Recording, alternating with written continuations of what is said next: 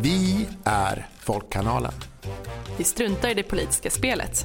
I podden fördjupar vi oss i de riktiga problemen och ger lösningarna för vanligt folk. Jag heter Lina Stenberg. Och jag heter Peter Gustafsson. Och det här är en podd som handlar om de riktiga frågorna. De som spelar roll på riktigt för vanligt folk. Den här gången kommer vi att fortsätta prata om krisen. Välkomna till det andra avsnittet i den här podden. Och idag så kommer vi prata om arbetarkvinnorna som äter barnens middagsrester. Ehm, de som drabbas allra värst.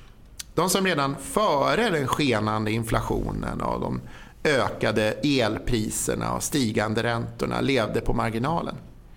Arbetarkvinnorna med låga inkomster och särskilt de ensamstående mammorna. Något som du, Lina, har satt in dig mer i. Ja, precis. Ehm, jag har skrivit en rapport som heter På arbetarkvinnornas bekostnad eh, som kom ut för en, eh, ja, några veckor sedan. Och, ehm, precis. Ehm, det känns som att det här är en grupp som alldeles för få pratar om och ett problem som alldeles för få eh, hittar lösningar på. Och varför är det viktigt att prata om just arbetarkvinnor då? Och vilka är arbetarkvinnorna om vi börjar med det? Ja men precis, Nej, men det där är inte alls helt självklart. Ehm, det går, ju att säga, det går ju att säga det här på olika sätt. Det finns olika definitioner av arbetare. Ehm, den vanligaste och mest vedertagna det är den som Statistiska centralbyrån använder. Och då går man på utbildningsbakgrund eh, och eh, klassar då Eh, arbetare i gruppen som, är, som har högst eller som längst eh, gymnasieutbildning och har man någon slags eftergymnasial utbildning så är man tjänsteman. Eh, och ja, arbetarkvinnor är som grupp, det är en stor grupp, 54% av Sveriges kvinnor. Just det. Just det. Och finns det inte många andra grupper man skulle behöva bry sig om då?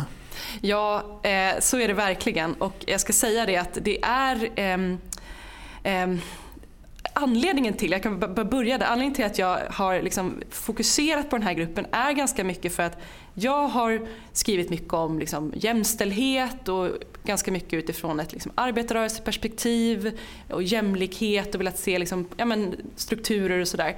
Eh, och en sak som jag ganska länge har gått och burit på är att Eh, om jag säger att eh, men vi får inte jämställdhet om inte alla räknas in.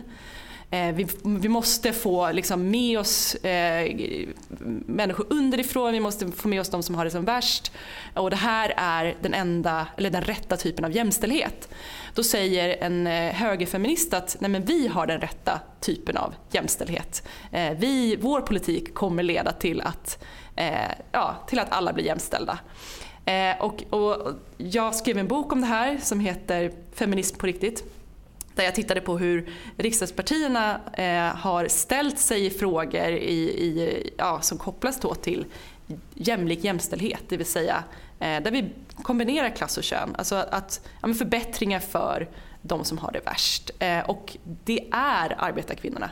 Det är den gruppen som eh, lösningarna behöver riktas till för att nå jämställdhet på bred front.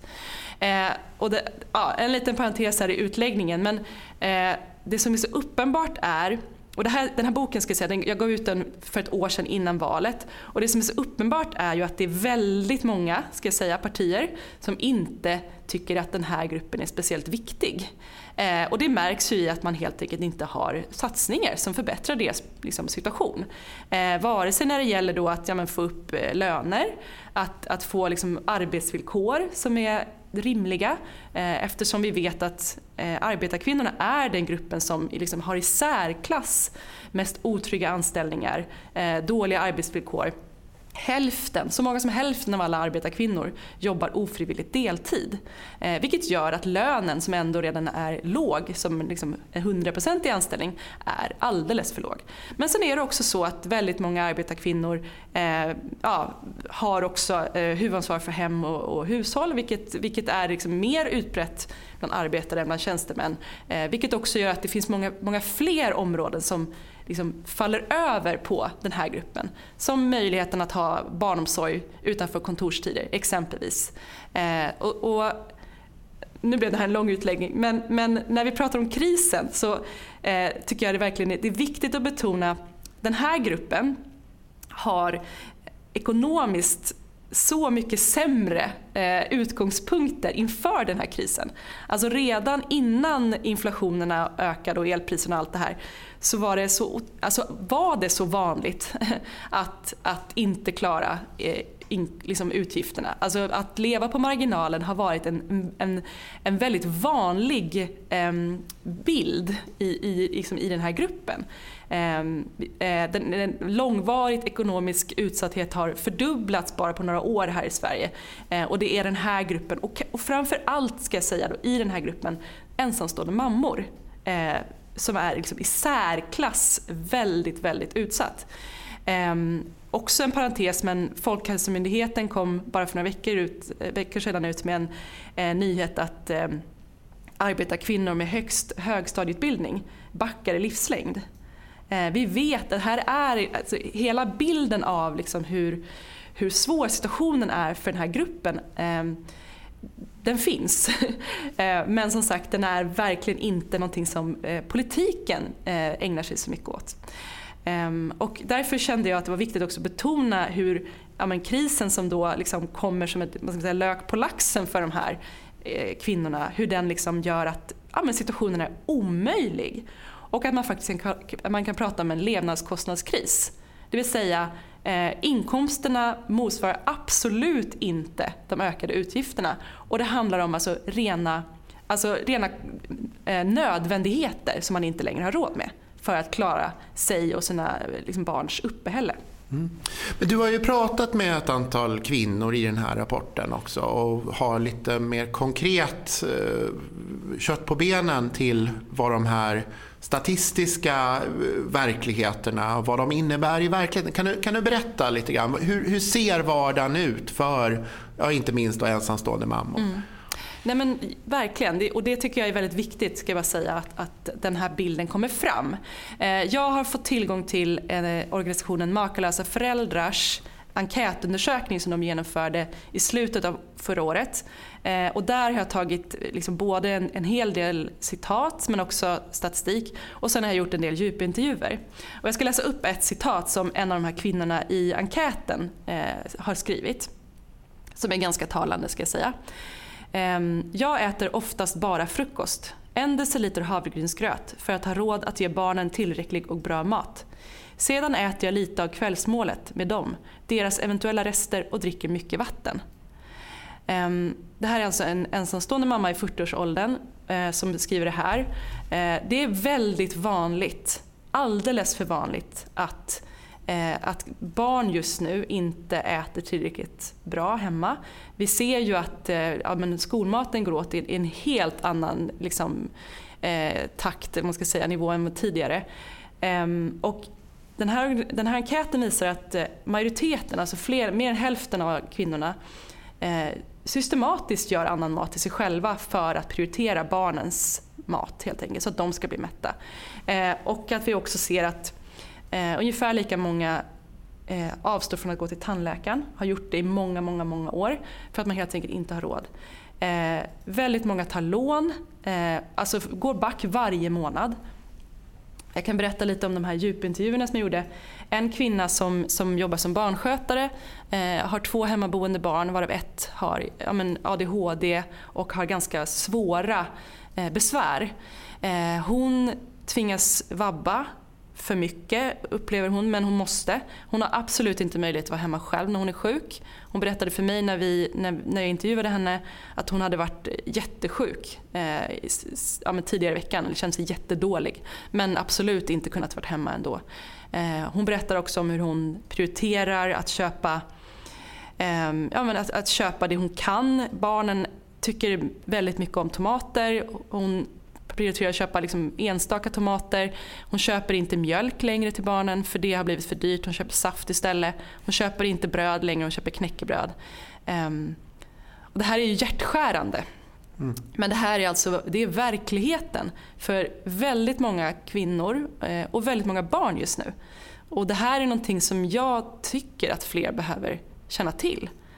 Mm. För du och jag och många andra, vi är också påverkade såklart. Det är ju väldigt eh, det är tufft. Liksom. Alltså, matpriserna ser, det ser helt annorlunda ut. Man får kanske prioritera bort vissa grönsaker som känns lite väl dyra. Men det här är någonting helt annat. Och det här är verkligen, verkligen allvarligt. Varför är det viktigt att barn inte drabbas av en ekonomisk kris som den vi ser just nu? Ja, nej men det är en jättebra fråga. Och, um, det är verkligen så att eh, det finns jättemycket forskning som visar på vilka konsekvenser det kan få på längre sikt för barn som har växt upp i framförallt den här otryggheten som det ändå skapar. Eh, barn i, i liksom ekonomiskt utsatta familjer de vet vad som händer. De vet exakt eh, hur allvarligt det är. Väldigt många barn lär sig att skydda sina föräldrar. Om man ska förstå varför många barn exempelvis äter mycket i skolan så skulle jag säga att det har att göra med att de vill skydda sina föräldrar. De vill kunna känna sig tillräckligt mättade när de kommer hem att inte be om den där extra mackan eller vad det nu kan vara. Ehm, och inte heller kanske säga till sina föräldrar att det är ett barnkalas i helgen för då får mamma dåligt samvete för att hon inte har råd med en present. Ehm, utan helt enkelt avstå från att gå på det kalaset. Det finns en väldigt stort ansvarstagande bland de här barnen. Det är det ena. Eh, sen är det så att eh, speciellt långvarigt ekonomisk utsatthet det, det, får konsekvenser. Man vet att det hänger ihop med, men sämre skolresultat, eh, med att, att själv vara ekonomiskt utsatt som vuxen och att hamna snett helt enkelt. Det är, det är verkligen är det en av få faktorer som är jättetätt alltså kopplade. Det är ju att, att, att, att växa upp i fattigdom och, och just kriminalitet senare i livet. Um, så det finns ju väldigt mycket att vinna på sam för samhället på att få barn att känna sig trygga.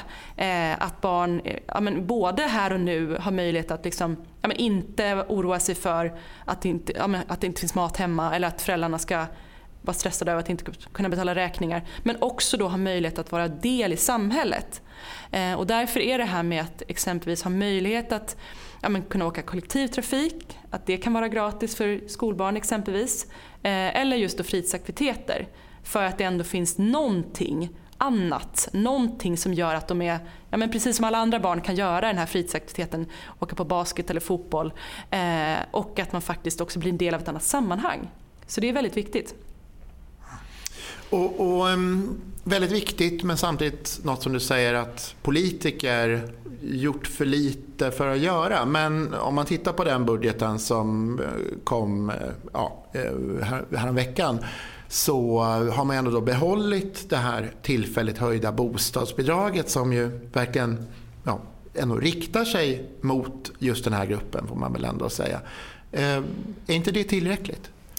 Um, ja, men det, är ju, det är ju bra att det är kvar. Eh, det måste man ändå säga. Men det är absolut inte tillräckligt. Ehm, nej, men det, det tragiska är ju, och det här kan man verkligen, men, alltså hur man än vrider och vänder på det spelar ju roll eh, vem som styr. Eh, för den här regeringen har ju eh, sänkt skatterna för höginkomsttagare och men, har ett elprisstöd utan tak och så vidare. Som ju på ett sätt ändå så här, ja men det är ju prioriteringar. Man prioriterar ju hög, höginkomsttagare på ett sätt som eh, är olyckligt i alla tider men framförallt i de här tiderna. Eh, en liten snabb uträkning, alltså, det är tio gånger mer man lägger på RUT eh, det här året då än den här tillfälliga höjningen i bostadsbidraget. Så det är ändå en, och, RUT går ju mest, RUT-avdraget är ju mest riktat till höginkomsttagare, det, det vet vi liksom. Um, nej men det som är, och jag, jag har faktiskt, jag tog fram ett 12 12-punktsprogram, eller på att säga, en, en, en ett åtgärdsprogram, ett krispaket som jag tycker att den här regeringen borde ha lyssnat på, eh, kan fortfarande lyssna på. Eh, nej men där det faktiskt handlar om att, att, att se till att det här, men dels eh, just nu krävs det liksom särskilda satsningar. Ja, men exempelvis, eh, vi behöver höja barnbidraget. Vi behöver ha eh, både bostadsbidrag och underhållsstöd alltså till ensamstående föräldrar som är alltså skäliga. Som har, de är inte indexerade, de har inte följt med inflationen under många, många år. Eh, de måste ju faktiskt vara det de ska vara, kompensatoriska. Men sen handlar det också om exempelvis att eh, just nu vet vi att föräldrar tar hem sina barn från, från förskola och fritids för det är utgifter. Alltså och det är, eh, skulle jag säga, katastrofalt. Eh, vi vet att förskola exempelvis har enormt viktiga effekter för barn eh, på längre sikt om inte annat. Men också för att bli en del av liksom, ja, men, kompisgruppen. Eh, och samma sak med fritids. Eh, och det är inte konstigt att man tar hem sina barn om man, verkligen, om man inte har råd med mat. Då drar man ju ner på, på den utgiften. Det är, för, det är ju helt logiskt. Eh, där kan ju kommunerna exempelvis hjälpa till. Eh, men, men vad gäller Svantesson, ja, det här och en, en, en, en väldigt viktig fråga är ju också att, men vi, som det här är arbetarkvinnor, vi vet att man är, den är så systematiskt eftersatt. Vi behöver en, en eh, nationell plan för jämställda löner.